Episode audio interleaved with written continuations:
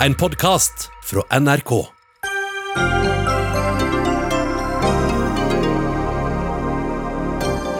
Arbeidsplasser må settes foran miljøet framover, sier Høyres Linda Hofstad Helleland. Hun lager en falsk og farlig motsetning, kritiserer gründer. Mange svensker etterlyser strengere regler i sitt eget land, samtidig som andre land i Europa slipper opp. I Norge etterlyser Virke at treningssentrene skal åpne dørene igjen. Bibelselskapet får kjeft av en teologiprofessor for å bruke kunstner Aune Sand i en video hvor han leser fra Salomos høysang. Kaller det selvsentrert og vulgært. Og er 17. mai-komiteen i Bergen et gubbevelde? Det mener en Rødt-politiker, som sier det er pinlig med en komité med 23 menn og 6 kvinner, de fleste iført flosshatt.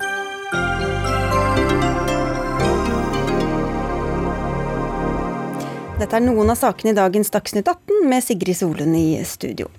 Arbeidsledigheten i Norge har skutt i været og er på sitt høyeste siden 1930-tallet. Det må også få følger for Høyres partiprogram de kommende årene, skal vi tro hun som leder arbeidet med det. Og da har vi ikke lenger råd til å la være å skape nye arbeidsplasser av hensyn til eh, miljøet, sier du til Aftenposten, Linda Hofstad Helleland. Du er distrikts- og digitaliseringsminister, og altså leder for Høyres programkomité. Vi har ikke lenger luksusen vi hadde før, da vern kunne gå foran vekst, sier du. Hva mener du med det? Jeg tror alle partier nå er nødt til å tenke helt nytt eh, etter eh, den krisa som vi nå har opplevd de siste ukene, og som ennå ikke er over og som får stor betydning for folks eh, liv. Eh, I Høyres programkomité er vi veldig opptatt av at eh, det viktigste vi kan gjøre nå, det handler om å, å sikre folk jobb. Og Da handler det om at vi sørger for et mer digitalisert og et mer grønt næringsliv. For at folk skal kunne få betale regningene sine, ta vare på familien sine.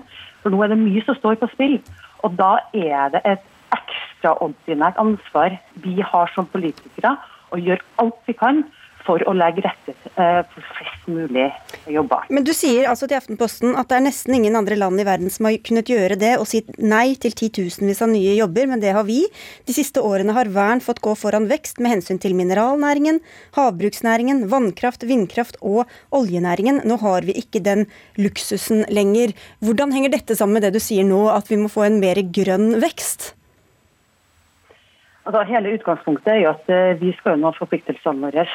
Uh, en, vi skal sørge for en grønn uh, omstilling. og Da handler det om at grønn vekst er forutsetninger for bærekraftige jobber. Men hva, hva, mener du egentlig? Det som, det som, jeg mener, det er den vernediskusjonen, eller det konteksten som vi har diskutert, vern versus vekt de siste årene. For eh, da har eh, Med oljeinntektene så har vi kunnet lene oss litt tilbake og så har vi sagt at eh, ja, når det gjelder utbygging av eh, havbruk og konsesjoner og arealer til disposisjon for eh, oppdrettsnæringa, eller eh, det gjelder vannkraft eller vindkraft eller mineralnæring for den del, så har vi kunnet sagt at her mener vi at vern skal gå foran vekst. Og jeg tror at i den situasjonen vi er nå, hvor det er så Eh, prekært med å, å, skaffe nok jobber til folk så man kan eh, livnære seg og sin familie, så tror jeg at et litt annet perspektiv vil komme inn i eh, den vern-vekst-debatten, sånn som vi tradisjonelt eh, kjenner. Dette intervjuet i Aftenposten har skapt en del eh, støy, også internt i eh, Høyre.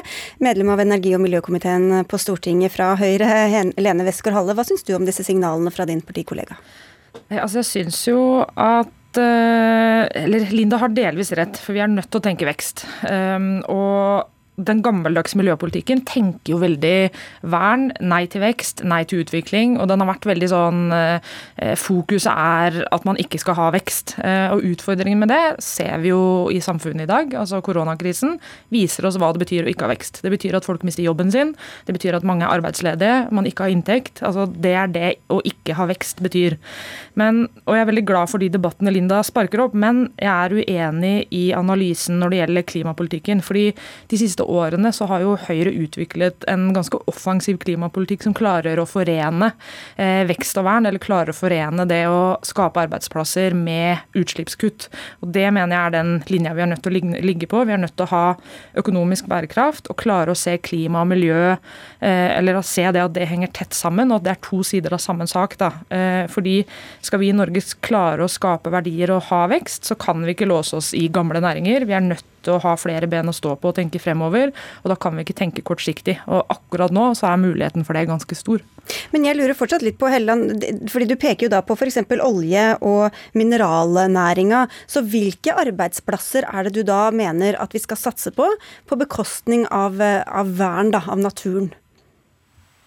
Altså, vi har ikke konkludert på noen måte i programkomiteen. Vi ønsker en åpen debatt som involverer hele partiet. Men hva mener du, da? Eh, og, og, Som leder så har eh, jeg tatt eh, initiativet til at eh, vi skal eh, se debatten i en litt annet perspektiv enn det vi har jobba med eh, det siste året. fordi at De siste månedene så har utgangspunktet vært noe, noe helt annet. Jeg, jeg ser ikke noen motsetning mellom å skape trygge arbeidsplasser og føre en god klimapolitikk. I all omstilling vi nå skal gjennom, så handler det om å legge til rette for for, for, grønn vekst. Og Høyre er i dag og skal fremover selvsagt være en pådriver for det. Det er bare å se på budsjettene våre hvordan vi styrker Enova, satsing på grønn teknologiutvikling og et skattesystem som belønner grønn omstilling.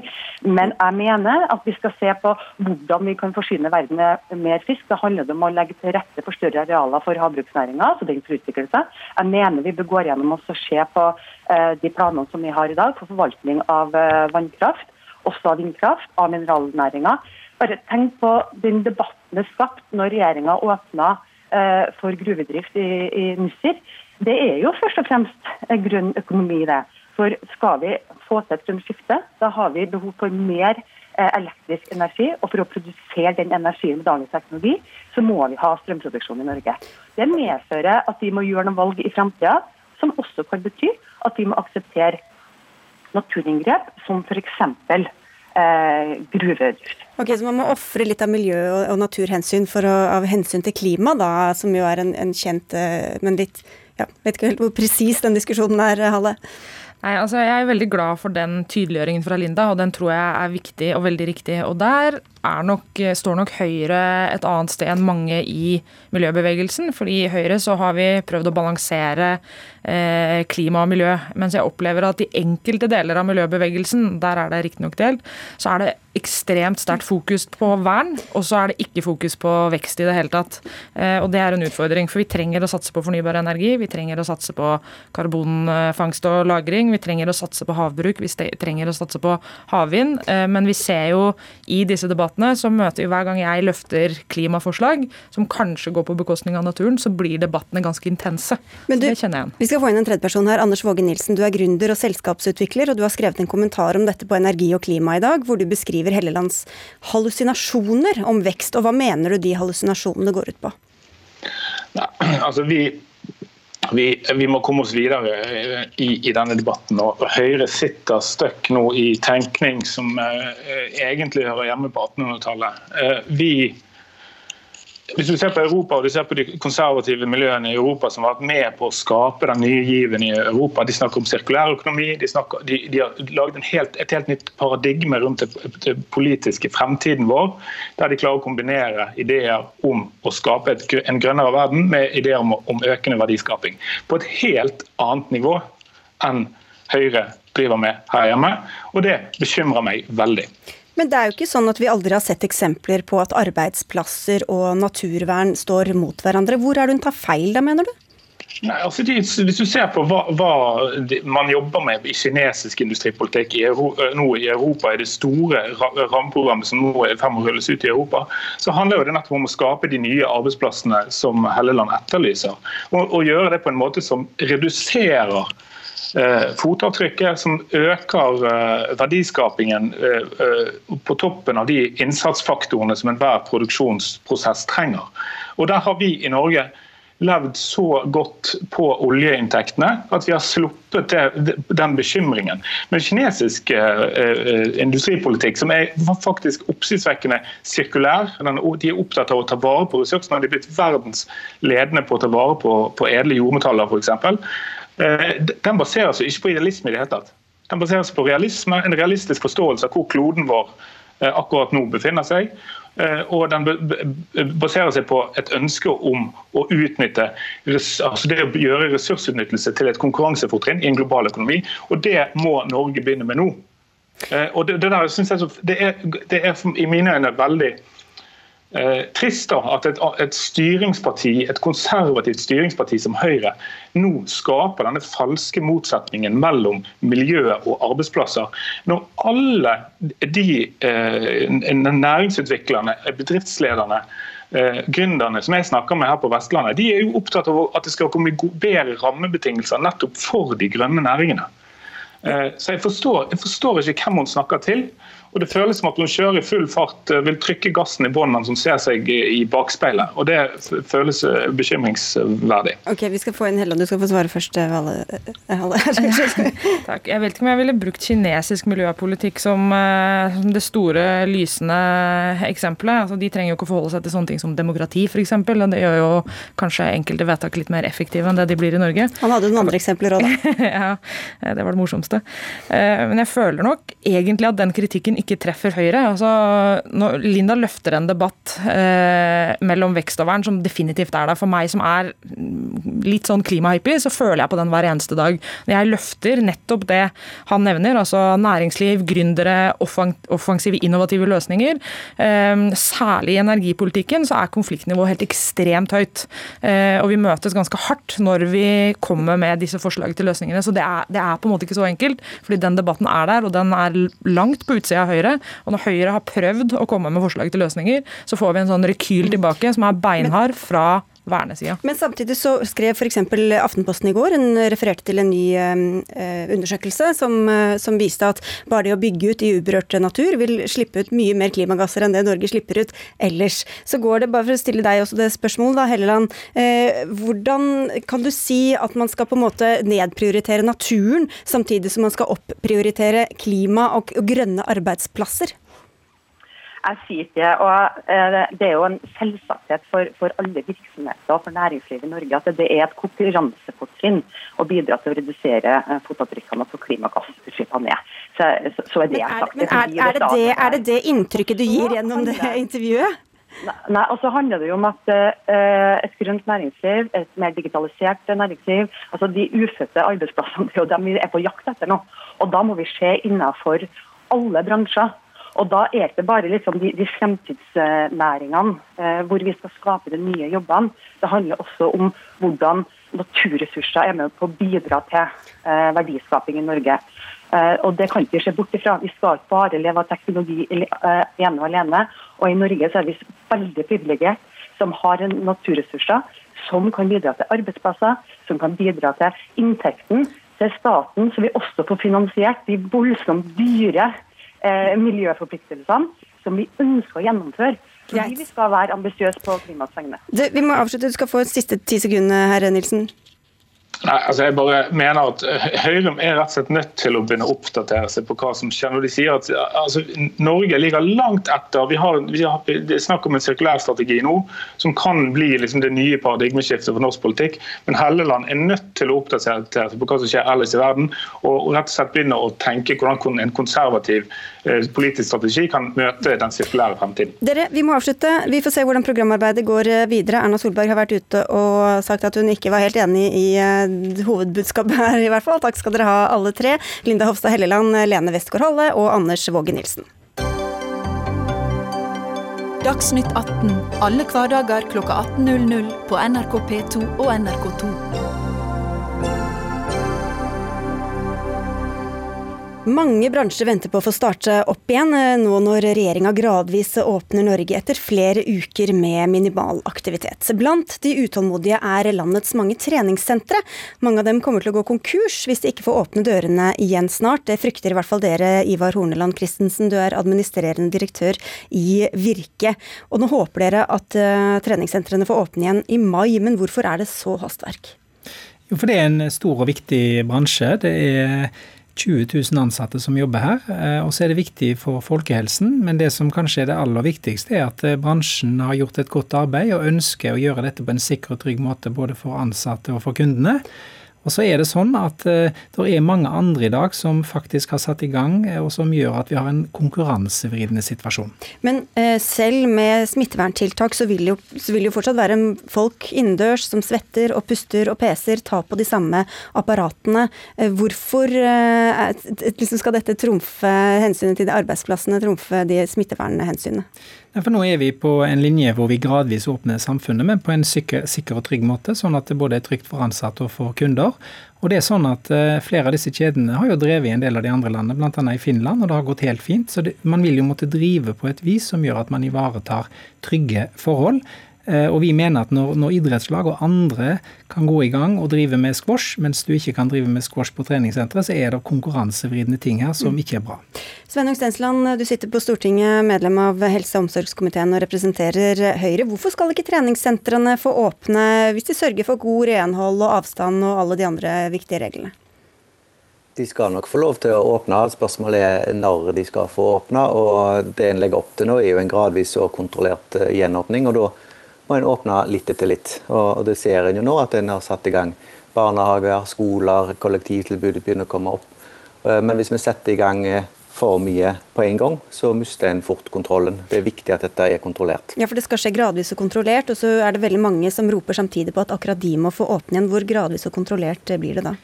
For det første så mener bransjen, fordi de har laget en standard, og de mener at dette kan skje helt forsvarlig. Så Det er nummer én. Og nummer to er at når man har åpnet nå for idretten og for en del andre, så er det òg nå lokale kommuneoverleger som gir tillatelse til at man både kan drive yoga, man kan drive dans, og det er ikke aleneyoga eller alenedans. Man kan drive forskjellige gruppetreningstilbud. Så her er en situasjon som er vanskelig fordi du får konkurransevridende forhold, og det er ikke bra. Og Bransjen mener dette kan gjøres på en trygg måte, og vi mener Norge må komme i gang igjen. Derfor er dette viktig. Ja, hvor er logikken i at noen får holde åpent, mens, mens disse treningssentrene ikke får gjøre det, Stensland? Eh, det, logikken er rett og slett at alt kan ikke åpne på likt, og en må ha en gradvis åpning. Eh, og Når det gjelder eksemplene som kommer der, så er det enkelteksempler. og Jeg blir eh, kontakta av svært mange forskjellige bransjeaktører som ber om at akkurat sin bransje får åpne. fordi de har lagt Men man kan trene noen steder, men ikke på disse treningssentrene? Hvorfor skal det ja, være det sånn? det, det, er sånn at Forskriften den reguleres eh, gjennom covid-forskriften. og Der sies det at idrettsarrangementer og organisert idrettsaktivitet både innendørs og utendørs der folk møtes, det er forbudt. Og så har Helsedirektoratet åpna for en viss aktivitet innenfor idretten. En gradvis åpning der òg. Der ser vi jo fra debatten at mange idrettslag òg sliter veldig. Men det er situasjonen. Det er mange aktiviteter som er tatt ned på likt, og så må vi åpne dette forsiktig. fordi hvis vi plutselig får en økning i smittetallene, så mister vi oversikt. og da er mye av den felles eh, nedstenging vi har gjort, forgjeves. Hvis vi nå får en voldsom oppblomstring, og det tror jeg ingen ønsker. og Det vil òg ramme Eh, virkes eh, andre medlemmer hvis vi plutselig får en kraftig oppvekst i smittetallet. Da bare lurer jeg på hva som teller når dere velger hvem og hvor som skal få åpne først. Her ble det jo nevnt folkehelsa. Det er jo, for mange er det helt nødvendig å kunne trene for å motvirke sykdom og, og smerter. Hvorfor skal ikke da disse treningssentrene få åpne, mens f.eks. frisører får lov å åpne? Jeg er helt enig i at trening er viktig, og det er også sånn at en del fysikalske tilbud oppgjøres, som fysioterapeuter og andre kan starte opp. Eh, men eh, logikken i dette er mye styrt av eh, Folkehelseinstituttet og Helsedirektoratet sine anbefalinger. Og så blir det tatt nye vurderinger uka for uke. Har de sagt at frisørene bør få åpne før, helse, altså bør, før treningssentrene? Jeg har ikke sett at de har sagt det, men det, det, var sånn det ble. Og klart, Det vil bli krevende diskusjoner og krevende avveininger hele veien, men vi kan ikke åpne alle på likt. Da må noen komme før de andre, ellers blir det trangt i døra. Mm. og Da mister en oversikten, og da får en kanskje en ubegrensa spredning igjen. og Det ja, er noe ingen du ønsker. Ofte, du, er, du, er, her tre ganger i uka Kristensen, og snakker på vegne av alle de forskjellige bransjene dine. Men, men, det som er viktig akkurat her, det er det at uh, bransjen ønsker å gjøre dette trygt. og uh, Det har ikke med at ikke man skal gjøre dette i en fornuftig rekkefølge. Det som er problemet nå, er at det er masse lokale frislipp som gjør at det blir en uholdbar situasjon. og Det bør regjeringen gripe fatt i. for Etter forskriften så skal egentlig disse vedtakene gjøre lovlighetskontroll hos Fylkesmannen. og Problemet er at dette nå er ute av kontroll. og Da skjønner ikke vi hvorfor man kan drive en aktivitet ett sted, men den samme aktiviteten ikke kan drives et annet sted.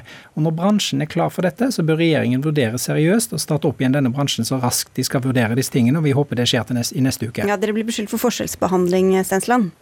Jeg er fullt ut enig i resonnementet fra Hornland her. Eh, det er noen kommuner som kanskje har vært litt vel ivrige i å åpne opp, og da må det gjerne strammes inn der. Og så er jeg òg enig i at treningssentrene må vi ha som mål å åpne opp, sammen med f.eks. For fornøyelsesparkene, som òg er en debatt. Eh, men som sagt, dette må gjøres kontrollert, og så må òg kommunene kjenne sin besøkelsestid, så en ikke får nettopp denne type forskjellsbehandling. Og opplever en forskjellsbehandling, så er det òg noe ting som en kan ta opp lokalt. Men Kristensen, Hvordan kan du føle deg så eh, trygg på at dette vil skje på en sikker måte? Altså Selv om man vasker apparatene og sånn, så er det jo veldig masse små dråper som vil virre rundt i lokalet f.eks.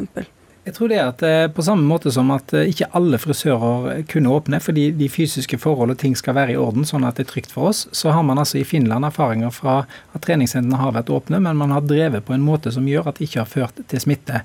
Og Det er det bransjen selv mener. Det blir ikke liksom full rulle, sånn som det var 11.3, men det blir på en måte som gjør at de er ansvarlig.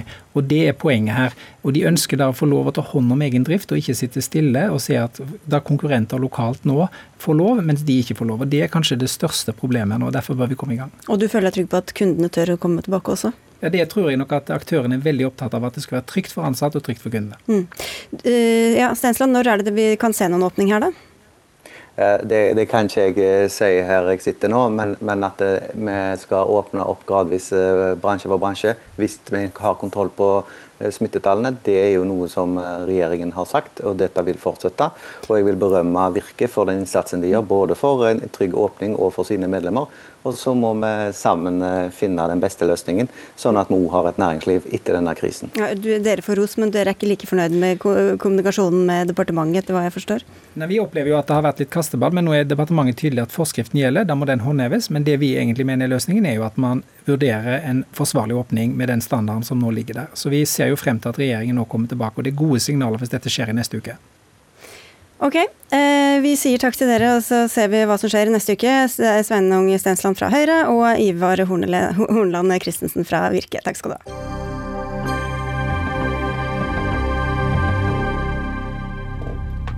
Det Norske Bibelselskap får kritikk etter at de engasjerte kunstner og filmskaper Aune Sand til å lese høyt fra Salomos høysang fra Det gamle testamentet i en video. I filmen, som er spilt inn i Slottsparken i Oslo, snakker Sand før og etter høytlesningen. Vi skal høre og se et lite utdrag. Du er høy som palmen, og brystene dine er som drueklaser. Jeg sier jeg skal opp i den palmen. Og symbolet på mannen som skyter opp av bakken. Fruktbarhet. Elskov. I en trekrone. Ja, eh, dette, i hvert fall det siste her, har du kalt for selvsentrert og vulgært i dagens utgave av Vårt Land, professor i teologi ved Universitetet i Oslo, Jone Salomonsen. Hva er det som er selvsentrert og vulgært ved dette? Det er jo helt fantastisk at dere viser akkurat dette siste klippet. Fordi han holder jo en enetale, en hyllest. Han snakker til oss som om han er det, den enetalen i den teksten. Og så er dette treet da et symbol på kvinnen, og plutselig så er det et symbol på mannen. Og det legger jo eh, Aune Sand inn. Og det har jo Ja, For det første var fra, var fra selve bibelteksten, fra, og det andre ja, er hans egen tekst? Det er hans egen tekst. Og det er jo en dialog, og det kommer jo overhodet ikke fram at det er en dialog mellom kvinne og mann. Det er han som snakker hele veien. Og når han avslutter på den måten, så en som ikke kjenner teksten, har ikke noe annet valg enn å tenke at den subtilt blir egentlig kvinnen symbolet på mannen. Altså, Hun eksisterer egentlig ikke i det universet, annet enn som et tegn. Så det etterlatte inntrykket mener du ikke gir et godt bilde av hva som faktisk står i Bibelen om, altså i teksten der? Nei, hvis Bibelselskapet ønsker å fortelle oss og vise at det finnes erotisk kjærlighet i Bibelen, så burde de vist at det er to subjekter som snakker sammen. Paule Erik Virgenes, du er generalsekretær i Det norske bibelselskap. Ingen kan lese høysangen i Bibelen slik som Aune Sand, eh, sier dere. Hvorfor ville dere bruke Sand i utgangspunktet? Fordi vi stadig søker etter ulike stemmer som evner på forskjellig måte å uttrykke sider ved Bibelen. Gjerne også stemmer som eh, folk ellers ikke er vant til å høre som fortolkere av eller lesere av bibelteksten. Sånn sett var, og har vi også da lest intervjuet med Aune Sand, hvor han beskriver noe av sin relasjon til Bibelen som, som en viktig bok. Og Derfor henvendte vi oss til han for å få et, eh, en innspilling av tekster fra Høysangen. Men hva, hva, mener du med at disse ordene både i forkant og etterkant fra Sand eh, selv gjør med hvordan eh, helheten oppleves? Jeg skjønner spørsmålet. Vi, vi, forsøkte i filmen å skille bibeltekst som en kursivert tekst og hans kommentarer. Og det er ikke uvanlig at bibeltekster fremføres med også menneskers egne kommentarer så vil vi også være enig i at dette er en tekst som helst bør ha en mannsstemme og en kvinnestemme. Men selv ikke da vil vi evne å, å hente fram eh, noe, denne svære bredden i dette poetiske diktet, som er 2500 år gammelt. Eh, eh, det vil alltid være et oversettelsesutfordring for oss i det. Mm. Men, men Salomonsen, hva er det som er så annerledes i det bibelteksten sier, og det Sand selv sier, da? Det som er det helt annerledes, det er at bibelteksten har to stemmer som veksler, og som snakker i gjensidig kjærlighet. Og det er ganske sterkt at vi har et dokument som er mer enn 2000 år gammelt, som, som, viser denne gjensidige kjærligheten, som vi som lever altså i dag, kan kjenne oss igjen i. Mm. Og, så, og istedenfor å vise dette unike, så viser da Bibelselskapet indirekte Ta bort den ene stemmen, og det er igjen ikke kjærlighet mellom to, men det er et mannlig begjær. Mm. Og det er ikke nytt. Det er ikke nytt. Vi har fått inn Aune Sand her eh, selv. Du fikk ikke høre innledningen her, men du kjenner jo kritikken fra Vårt Land. Og du blir beskyldt for å objektivisere kvinner. Du sier selv du hyller kvinnen før og etter bibelteksten. Hva var det du ville med dette? Først vil jeg få lov å benytte anledningen til å takke Helse-Norge for en uh, fantastisk innsats. Ikke bare nå i det som skjer nå, men uh, jeg har fått lov å besøke mange sykehus de siste årene, og okay. jeg vil anbefale regjeringen Hvis alle som kommer inn skal gjøre det, så tror jeg vi får veldig lite debatt. Fullføre, eh, om å la alle som jobber i helsevesenet få en flat skatt på 12% som en takk. Greit. Og så vil jeg begynne med å sitere Wergeland i sitt berømte dikt 'Til foråret'. At han ofte omfavner et gammelt tre som en guddom jeg har vokst opp eh, i en fantastisk familie eh, med en mormor som vokste opp på et gammelt småbruk i Lireid i Valevåg i Sveio. En dyp respekt for kvinnen, for hardt arbeid. Eh, det professor Salomonsen legger i dette her sånn, er jo nesten ikke til å tro. At en professor på Universitetet i Oslo, med alt det innebærer, kan trekke dette er helt ned på å snakke om eh, mitt lem, mitt erigerte Jeg vil jo aldri Jeg har en dyp respekt for kongehuset. Jeg vil jo aldri i Kongens park eh, gjort noe sånt noe. Eh, og hadde jeg gjort det, så hadde jeg vært et annet sted, og da hadde treet vært mye, mye større. Ok. Ja, eh, men, men til, til, det som ble spurt, altså mener du at din, eh, dine egne ord, da, eh, at det står i forhold til at det er i likhet mellom det og det som faktisk er det, den teksten fra, fra Jeg snakker om kraften i et tre, og det symboliserer jo et av Guds, Guds mest fantastiske skaperverk. Eh, Elskov i en trekrone er jo ikke det du tror det er. Eh, I min verden så er det bladene som elsker med vinden, det er fuglene som synger. Det er det som er Gud for meg. Det er det som er naturen. Det er det vi må respektere. Det er dit vi må tilbake. Og de prestene som du utdanner til kirker over hele det norske land, de, de, sitter da med tomme kirkebenker. Og hvis det er dette dere prediker oppe på Teologisk fakultet, og det er dette dere lærer om, om, om mannslem og sånne ting Jeg, jeg syns det er helt utrolig, og jeg må også få lov å si, i all respekt, det er mitt lem dette her handler om, at Vårt Land, som en seriøs avis, setter på trykk det du sier, jeg, jeg, jeg syns det er helt utrolig. Da skal vi Salomonsen få svare selv. Jeg beskytter meg jo ved å si 'forestilte lem', da. Men uh, saken er at i teksten så skjer det en forskyvning fra at treet symboliserer en kvinne, som er et vanlig symbol i det bibelske universet. Og det er, var også et forbudt symbol på mange måter, men det er en veldig kjent uh, forbindelse mellom tre og kvinne. Og det Arne Aune Sand gjør når han omfavner den og sier det er et symbol på mannen, så omdanner han hele det og understreker sin egen stemme i det han leser, at det er mannen som uttaler seg, og på en måte representerer seg selv ved å klemme den stemmen. Altså hun forsvinner. Denne kvinnen han taler til, er på et opphøyd Dette er din Nei, fantasi. jeg, le, jeg Nei, leser dette er din fantasi. Dette er din fantasi. Det er en opphøyning av en kvinne som En av gangen. En av gangen. Ok. Ja, for du, du mener at dette er da et eksempel på det du kaller objektivisering Ja, av kvinner fra og Aune Sand? ja, som er et romantisk 1800-tallsspråk. og Det er ikke sånn at vi ikke er kjent med det språket. og Aune Sand må gjerne bruke det så mye han vil i alt han gjør, og privat og offentlig. Men hvis Bibelselskapet Du ønsker dikterer ikke hvordan jeg oppfatter Bibelen. hvis Bibelselskap ønsker å vise gjensidig kjærlighet, så burde de ikke hatt denne innledende avslutningen. Du ilegger ha meg to. ting som er bare din fantasi. Ok. Okay. Men du får høre med deg, Virgenes. Mener du at den eh, hva skal vi si, tolkningen fra Aune Sand at den er et godt bilde på det som faktisk står i Salmos høysang? Vi har stor respekt for Aune Sands eh, vilje til å leve seg inn i denne teksten og gi den videre til mennesker som ikke har et eh, jevnforhold til den bibelske fortelling. Og Samtidig har Salmonsen et viktig poeng, at dette er en tekst som, som bør ha to stemmer, en mann og en kvinnestemme. eh, For å virkelig hente ut enda mer av denne dybden eh, og denne fascinerende dialogen i denne teksten enn det vi klarte med denne filmen. Vi er glad for det vi fikk gjort her, og ser samtidig da at Salmonsen har et relevant poeng. At dette er et gammelt poetisk verk i en dialog mellom mann og kvinne. Men allikevel vil det være en poesi preget av en maskulin kjærlighet. Slik at uansett så vil vi ha en stor jobb å gjøre med å ta denne type tekster inn i vår egen virkelighet. Men Sand, ser du at det du sier på slutten da om dette treet, at det da kan leses som at, at det var ment som fallos i den teksten også i eh, Høysangen?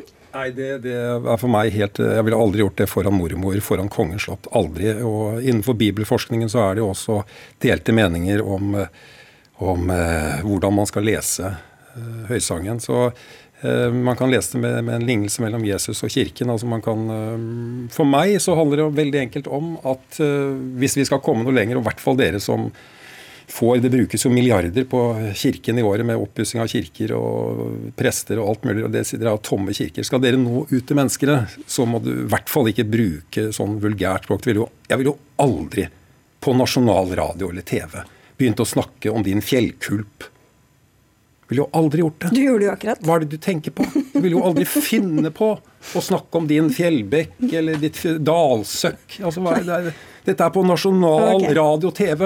Nå må du ta en prat med rektor på universitetet, og så får du en liten skjennebreker. Ok, Da skal du få avslutte, Salmonsen. Det er relativt ekstremt å høre på, men det er et eksempel på det jeg kaller vulgær og selvopptatt. Det er du som er vulgært. Det er du som trekker inn noe som ikke har Det er ikke min villeste fantasi foran kongens slott. Hva tar du meg for? Ja, jeg er jo en kongekjær. Jeg elsker jo mitt okay, land. Jeg elsker min mormor. Er- Vrangleser du eh, det, det han sier i, i eh, innslaget? Eh, Jeg skjønner at det er provoserende når jeg sier Nei, det er ikke når jeg provoserende. Det er at det, uforståelig at du er at, at det kan Én En million koster du staten i året for det. ok, så Salmonsen får får svare. Så jeg, jeg skjønner at det er, er provoserende å lese at er jeg, tolker det, at, er jeg tolker, at jeg tolker det på denne måten. Men, jeg, men hovedpoenget mitt er at det er ikke radikalt å vise det norske folk. Vi kjenner mannens begjær veldig veldig godt. Mens er en er gjensidig kjærlighet, at den finnes i en så gammel tekst i vår bibel som mange ikke kjenner til, det ville vært helt fantastisk å vite mer om. Ok, Aune Sand, ti sekunder. Nå handler det om at vi må løfte hverandre opp. Og se hverandre og springe ut i blomsterengen. Og elske med hverandre og se lykken i andres øyne, og ikke, ikke dra hverandre ned. Og flat skatt til alle i helsevesenet. Ja, Takk skal dere ha, alle sammen. Jone Gro Salmonsen, Paul Erik Virgenes og Aune Sand.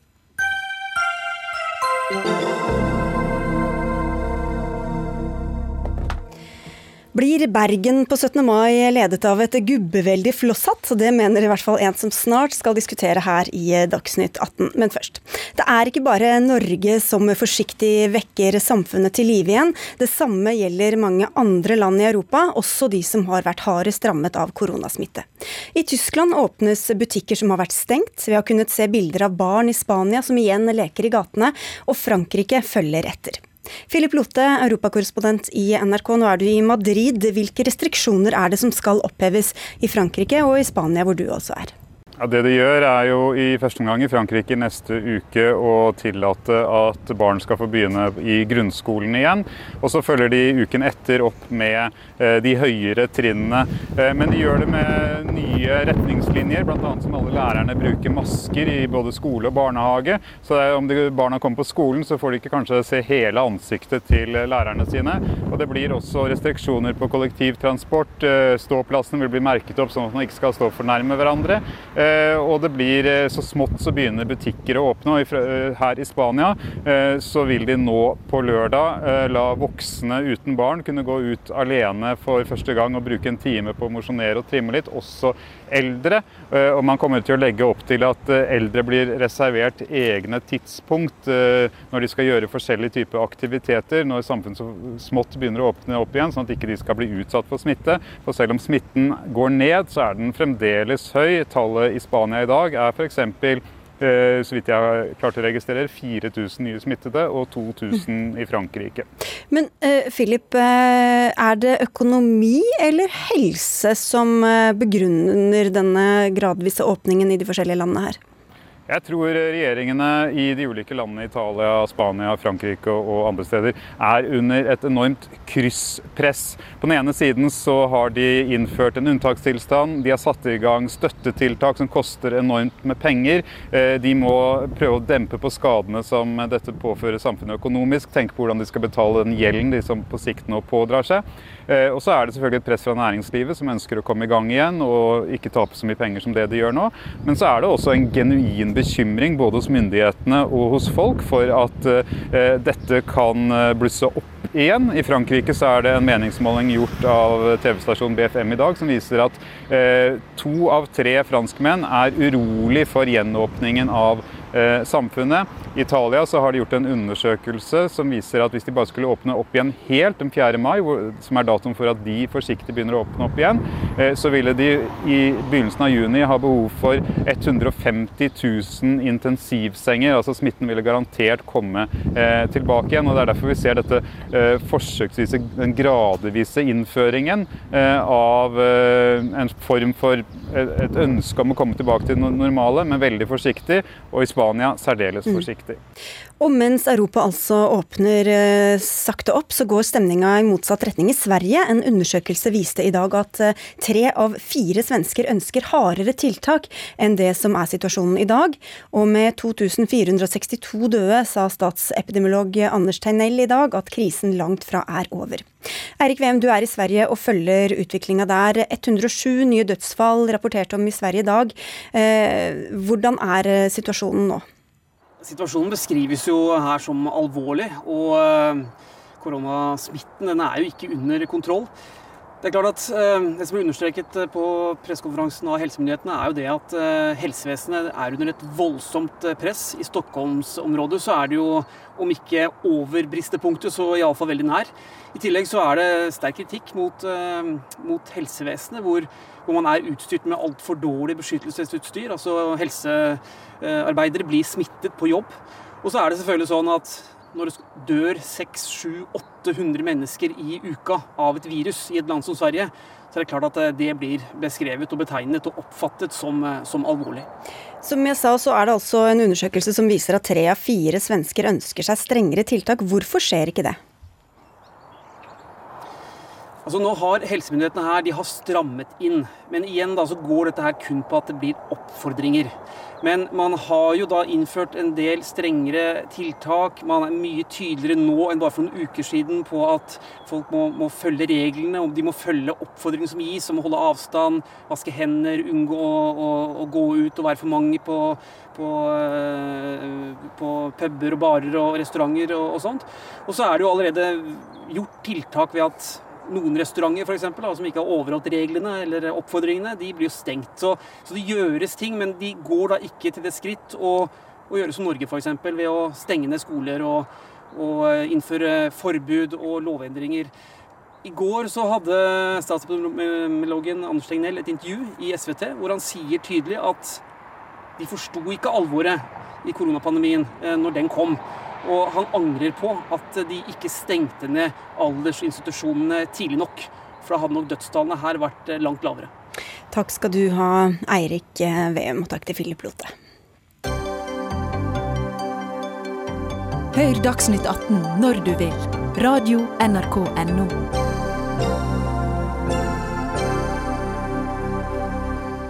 Det blir ingen vanlig 17. mai i år, skjønt enkelte ting er som før. Som i Bergen, hvor 17. mai-komiteen fortsatt består av et stort flertall menn, og hvor komiteens medlemmer gjerne kler seg i flosshatt. Kan vi benytte anledningen til å avlyse 17. mai-komiteens flosshattvelde, skriver du i Bergens Tidende, Sofie Marhaug. Du er bystyremedlem for Rødt i Bergen. Men for alle som ikke kjenner den bergenske 17. mai-tradisjonen, hva er dette flosshattveldet du vil kvitte deg med? Det er 17. Eh, mai-komiteen i Bergen som eh, organiserer 17. Eh, mai og, gjør veldig mye viktig og, bra for all del. Men de går òg fremst i, i, toget, og de er dominert av menn. Og de har vedtektsfestet at man skal gå med flosshatt. og, og framstår, syns jeg, som en parodi på hvordan eliten så ut for 100 eh, år siden. Og, og eh, jeg syns det er et problem at det er en så stor overvekt av menn som, som rekrutterer hverandre. Det er jo også sånn at Hvis du har vært medlem i ti år, så blir du slått til ridder. Hvis du har vært medlem i 25 år, så blir du kommandør. Så jeg syns at 17. mai-komiteen er gammeldags og udemokratisk og på en måte ikke er en fin måte å eh, feire eh, grunnlovsdagen på, og feire den radikale arven fra 1814. Mm. Gammeldags, borgerlig, reaksjonær gutteklubb. Erik Nesgaard, du er formann i 17. mai-komiteen i Bergen, og du har vært med i denne komiteen i 32 år. Hvor god beskrivelse, eller hvor dekkende vil du si den beskrivelsen vi nettopp fikk er? Nei, Beskrivelsen er vel egentlig eh, basert på manglende kunnskap om hvordan komiteen fungerer og, og arbeider. Altså, Vi er en hardtarbeidende komité som eh, jobber dugnad for 17. mai eh, omtrent gjennom hele året, og selvfølgelig intensivt nå foran 17. mai.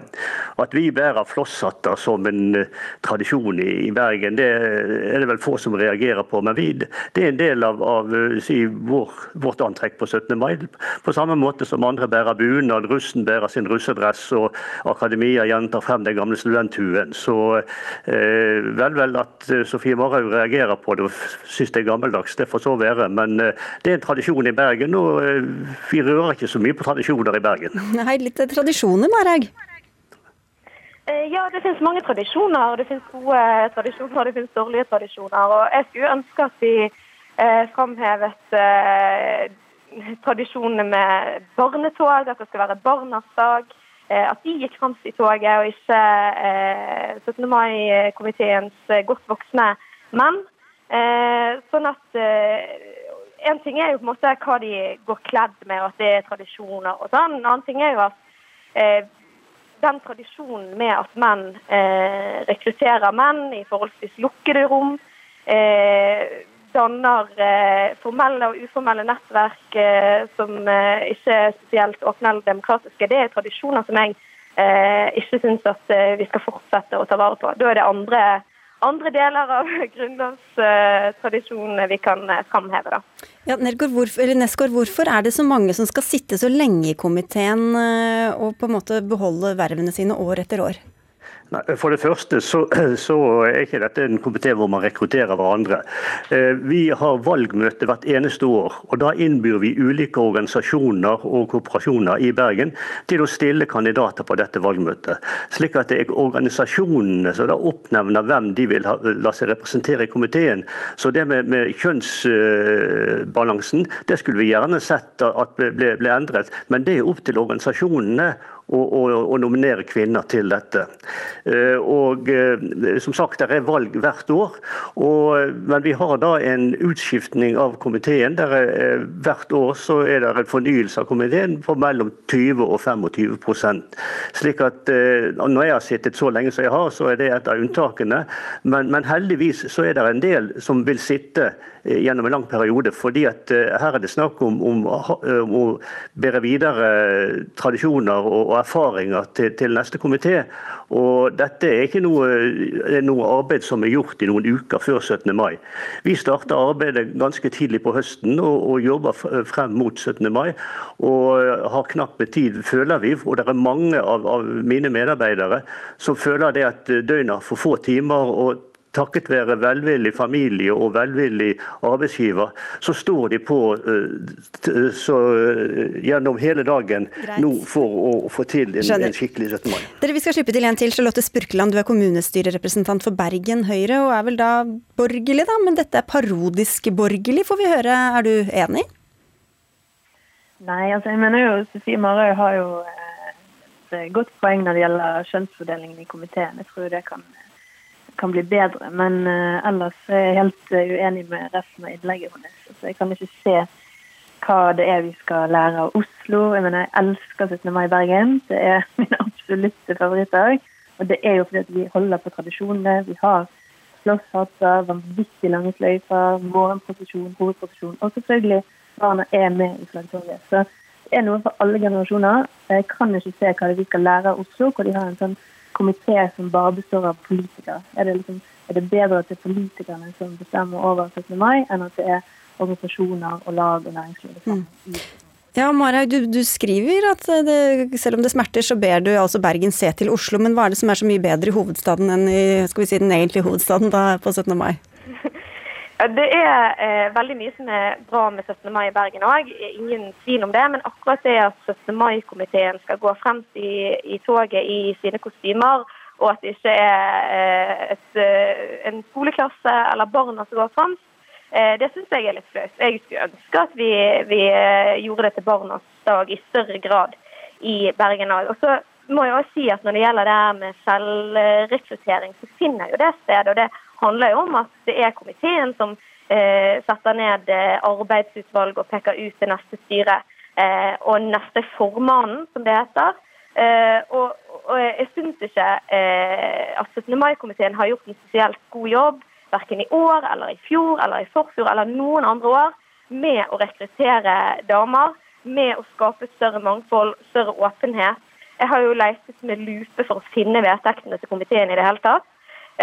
Sånn at det må gå an å eh, få til en eh, feiring i Bergen som ikke er en, en parodi på, på borgerskapet sånn som det så ut på 1920-tallet. og som faktisk reflekterer de demokratiske revolusjonene som har funnet sted de siste 200 årene, der arbeidere, der kvinner har fått stemmerett og innflytelse, og som egentlig òg er arven etter 1814. Okay. Eh, Spurkland, hva er det som er så flott ved denne komiteen at de skal få lov å gå helt framst i, i toget og ha en sånn framskutt rolle? Altså, I Bergen så har vi da to eh, tog. Vi har en eh, hovedprosesjon hvor 17. mai-komiteen går fremst. Og så har vi flaggtoget hvor man har skoleelever, korps, duekorps. Så dette er jo bare sånn oppkonstruert fra Marhaug. Jeg syns det er jeg syns også det er ganske ufint at hun kaller det for et gubbevelde, det som faktisk er 29 ildsjeler som står på i en komité. Eh, og 17. mai er barnas dag i Bergen, og det skal de selvfølgelig fortsette med. Men kunne man hatt litt flere utskjeftninger og tenke litt nytt uh, i, i, komiteen, da? Altså, det må jo de organisasjonene som oppnevner sine folk gjøre. Vi i bystyret har jo oppnevnt en mann og en kvinne. Uh, så vi har i hvert fall vårt på og jeg tror at uh, det er Eh, det er en så fin tradisjon vi har, og det er synd vi ikke får eh, gjennomført i år, men vi får bare glede oss til neste år. Ja, Hva blir det til neste år? Skal dere sitte hjemme på FaceTime med hver deres flosshatt på 17. mai?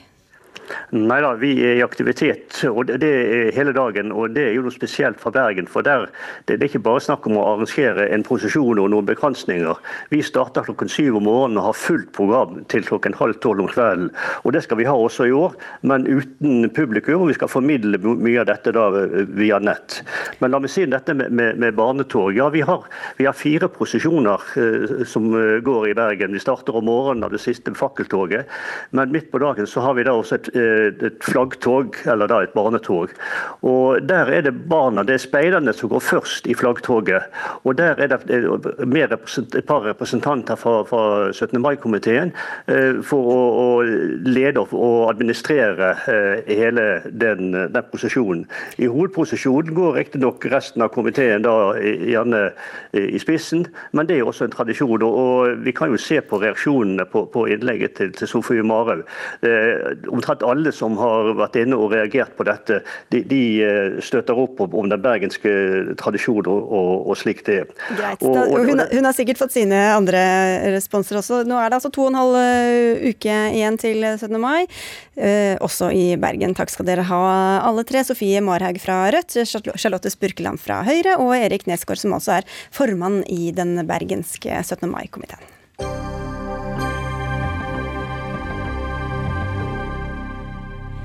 Vinmonopolet kan holde åpent lengre på lørdager. Reglene for salg av alkohol fra mikrobryggerier mykes opp. Det samme gjelder alkoholsalg fra gårdsutsalg. Det hele er pinlig for Kristelig Folkeparti, kan vi lese i dagens utgave av Vårt Land. Og budskapet kommer fra deg, Kjersti Toppe fra Senterpartiet. Du er også første nestleder i Stortingets helse- og omsorgskomité. Hva er det som er så pinlig ved dette? Nei, Det er jo fordi at eh, KrF har jo kommet i regjering, eh, og da Eh, mener jeg at det er veldig spesielt eh, og ja, pinlig at en eh, fremdeles får servert forslag som er i seg selv og isolert sett kanskje ikke så dramatiske, men i sum så blir det en, en liberalisering av alkoholpolitikken som skjer skritt for skritt. Og så Samtidig så må vi vente på den saken om en egen alkoholstrategi som Stortinget har vedtatt. Den kommer ikke, den lar vente på seg. og det er ting som jeg eh, reagerer på. Det er altså pinlig for et parti at det ikke får fullt gjennomslag for alle politikkområder i en regjering med tre partier? Nei, altså nå er jo Alkoholpolitikken en viktig sak eh, for eh, KrF. Eh, og De fremmer jo et representantforslag i Stortinget i 2018, ett år før de kom i regjering, der de fikk flertall for mange forslag sammen med Senterpartiet, Arbeiderpartiet og SV. Og Da tenker jeg at ut ifra det så er det jo naturlig forventa at de kan gjennomføre den politikken som det iallfall er et reelt flertall for i Stortinget når de kommer i regjering. Ja, Hans Fredrik Grøvan, stortingsrepresentant for KrF. Utvidet åpning åpningstid for Vinmonopolet, flere ølutsalg. Hvordan er dette god KrF-politikk? Jeg syns vi må løfte blikket litt. For eh, hvis vi ser den politikken som regjeringen fører på dette området, så er vi veldig fornøyd med at vi fører en restriktiv alkoholpolitikk. De alkoholpolitiske retningslinjene ligger fast. Vinmonopolets stilling eh, står fast. Eh, vi har høye avgifter på alkohol. Eh, vi fører en solidarisk politikk, og det er jeg stolt av. Også I tillegg eh, så har vi sikra Vinmonopolets rolle, som er hjørnesteinen i alkoholpolitikken. Eh, for dette med at den skulle ligge fast, det var et krav fra dere som dere også fikk gjennomslag for ja. da dere gikk inn i regjering. Men hvordan er det, altså ligger den fast når man da får, får se nye stadig sånne små endringer? Ja, De viktige brikkene ligger fast. Og det som jeg også har lyst til å si, det er at vi nå får en nasjonal strategiplan Eh, som skal være med å utrede ytterligere skadevirkninger som alkohol har på, på det enkelte individ og de samfunnsmessige konsekvensene. Det var det som ble etterlyst her? Ja, og den kommer nå til høsten. Eh, og Det er første gang på lang tid at noen regjering legger dette fram. Det er et godt KrF-gjennomslag. Og vi får her muligheten til både et godt samarbeid med partene i arbeidslivet, vi får forankra det opp imot frivillighet og idrett, og vi får fram verdien også av alkoholfrie soner. Så dette er et viktig gjennomslag som jeg tror også Senterpartiet vil være glad for at vi får på plass. Og det gjør vi i en regjering med regjeringspartier som egentlig ville hatt en helt annen liberal alkoholpolitikk. Så i det store så får de gjennomslag, eh, Toppe? Eh, ja, vi var jo det partiet som var med å skape flertall for en alkoholstrategi, så selvsagt er vi glad for at den kommer. Men det som er problemet, det er jo at det, før den har kommet, så har det kommet så mange eh, enkeltforslag som eh, er en liberalisering. En kan jo ikke si at dette her vil føre til mindre salg og mindre forbruk, men eh, det, vil, eh, det, vil, være en åpning. Men altså Senterpartiet selv er jo for disse gårdsutsalgene, så du er altså kritisk til at KrF får gjennomslag for deres politikk? Ja, det med gårdsutsalget har jo vært eh, behandla før før. Det som kommer nå, det er jo å forskyve åpningstida for Vinmonopolet fra tre til fire om eh, lørdagen, eh, og, og, å åpne enda mer opp på reglene for, eh, for, for, for men, salg. Men hvor stort utslag tror du disse tingene vil gjøre det, på alkoholforbruket? Isolert sett så tror jeg ikke det. Men det som har skjedd de siste, siden 2013, det er jo at Vinmonopolet får åpne på alle, alle aftener, altså nyttårsaften, påske og pinseaften. En har økt taxfree-kvotene for vin ganske mye. En har, en har justert og liberalisert reklameforbudet. Og en har gjort reaksjonene for brudd på alkohollover mindre strenge. Og så kommer dette nå i, i tillegg. Og det paradoksale er at dette skjer mens en har et mål om å ikke bare videreføre en restriktiv alkoholpolitikk, men å faktisk redusere alkoholrelaterte skader med 10% Og da trenger vi jo ikke mange sånne små forslag som må sies være en, en utviding av Hvordan henger dette sammen? Nei, altså, det er ikke alle disse sakene som, vi, som er KrF-politikk. Det vil jeg gjerne understreke. Samtidig så syns jeg det er viktig at vi holder de, de lange linjene eh, oppe. Eh, og her er det en strategi som skal redusere skadevirkningene. Som skal ta på alvor de utfordringene som alkoholen er. Og det var en, en sak som vi fikk gjennomslag for i regjering. Men... Og da syns jeg det er viktig at vi også okay. løfter blikket. Løft, og, ja ja, løfte blikket og lange linjene, og det andre er ikke så viktig, det, det, er småting. Men så er det ikke så veldig lenge siden du selv satt her i Dagsnytt 18 og argumenterte ganske hardt mot sørlandskommuner som ville tillate salg av eh, noen par liter øl på døra, eh, og sa at det gikk da utover sårbare grupper, utover barna. Hvordan henger dette sammen? Altså, det var et tiltak som ble gjort av Kristiansand kommune i ei nasjonal krisetid. Eh, som skulle på en måte Dette andre skjer vel også under nasjonal krisetid? At ja, Vinmonopolet forlenger åpningstidene? Vi er nok kommet lenger fram før dette blir en realitet, men, men, dette handler om visse tillempninger. Det gjør det. Samtidig så vil jeg understreke at de store og de viktige grepene ligger fast. Ja, men hvis du, hvis du, husker din egen argumentasjon, så var jo det ganske krass argumentasjon. Så det, det, går utover uskyldige barn når andre gjør det, men når dere lemper på kravene, da jo, er det ikke så altså, farlig? Altså, dette ble gjort fordi at en skulle tillempe det i forhold til næringslivets behov i ei tid hvor en ellers prøver å redusere på alkoholforbruket. Dette handler om de lange linjene i politikken. Her prøver vi å legge opp til en nasjonal strategi som skal virke i forhold til både å redusere eh, de individuelle konsekvensene okay, Så det er greit å åpne opp eh, så lenge eh, det ikke er for, av hensyn til næringslivet, men når man gjør det av andre grunner, da er det greit? Nei, det er ikke det. fordi at du åpner ikke opp eh, egentlig her. Altså, Vinmonopolets åpningstid er akkurat den samme på lørdagene som den har vært før. Den forskyves én time. Okay. Her får vi en strategi som er forankra i partene i næringslivet, som er forankra med, med, idretten og de frivilligheten. Dette er virkelig en plan som har muligheten Skjønner. for å virke. Dere, dere er jo i det store og det hele helt enige, Doppe, og du vet jo at man kan ikke få gjennomslag for alt når man sitter sammen med flere andre store partier. Men, men, men, eh, men, sannheten er jo at KrF hadde flertall med oss, Arbeiderpartiet og SV, om disse sakene å tape i den regjeringen de gikk inn i. Og det mener jeg en må påpeke. Og når det gjelder disse forslagene her, så er jo mange høringsinstanser uenige med KrF, som bagatelliserer virkningen av disse isolerte tiltakene. Som sett i sum så er det en liberalisering som vil kunne utfordre konsistensen i, i alkoholpolitikken. Dere, beklager, Grøvan, vi rekker ikke mer, for vi kan ikke stjele tid. Det er Anne Katrine Førli eller Kjørkjebø og jeg, Sigrid Solen, som lagde sendinga. Takk skal dere ha begge to. Dere får snakke lenger en annen gang.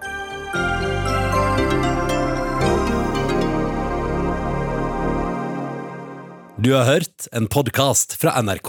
Hør flere podkaster og din favorittkanal i appen NRK Radio.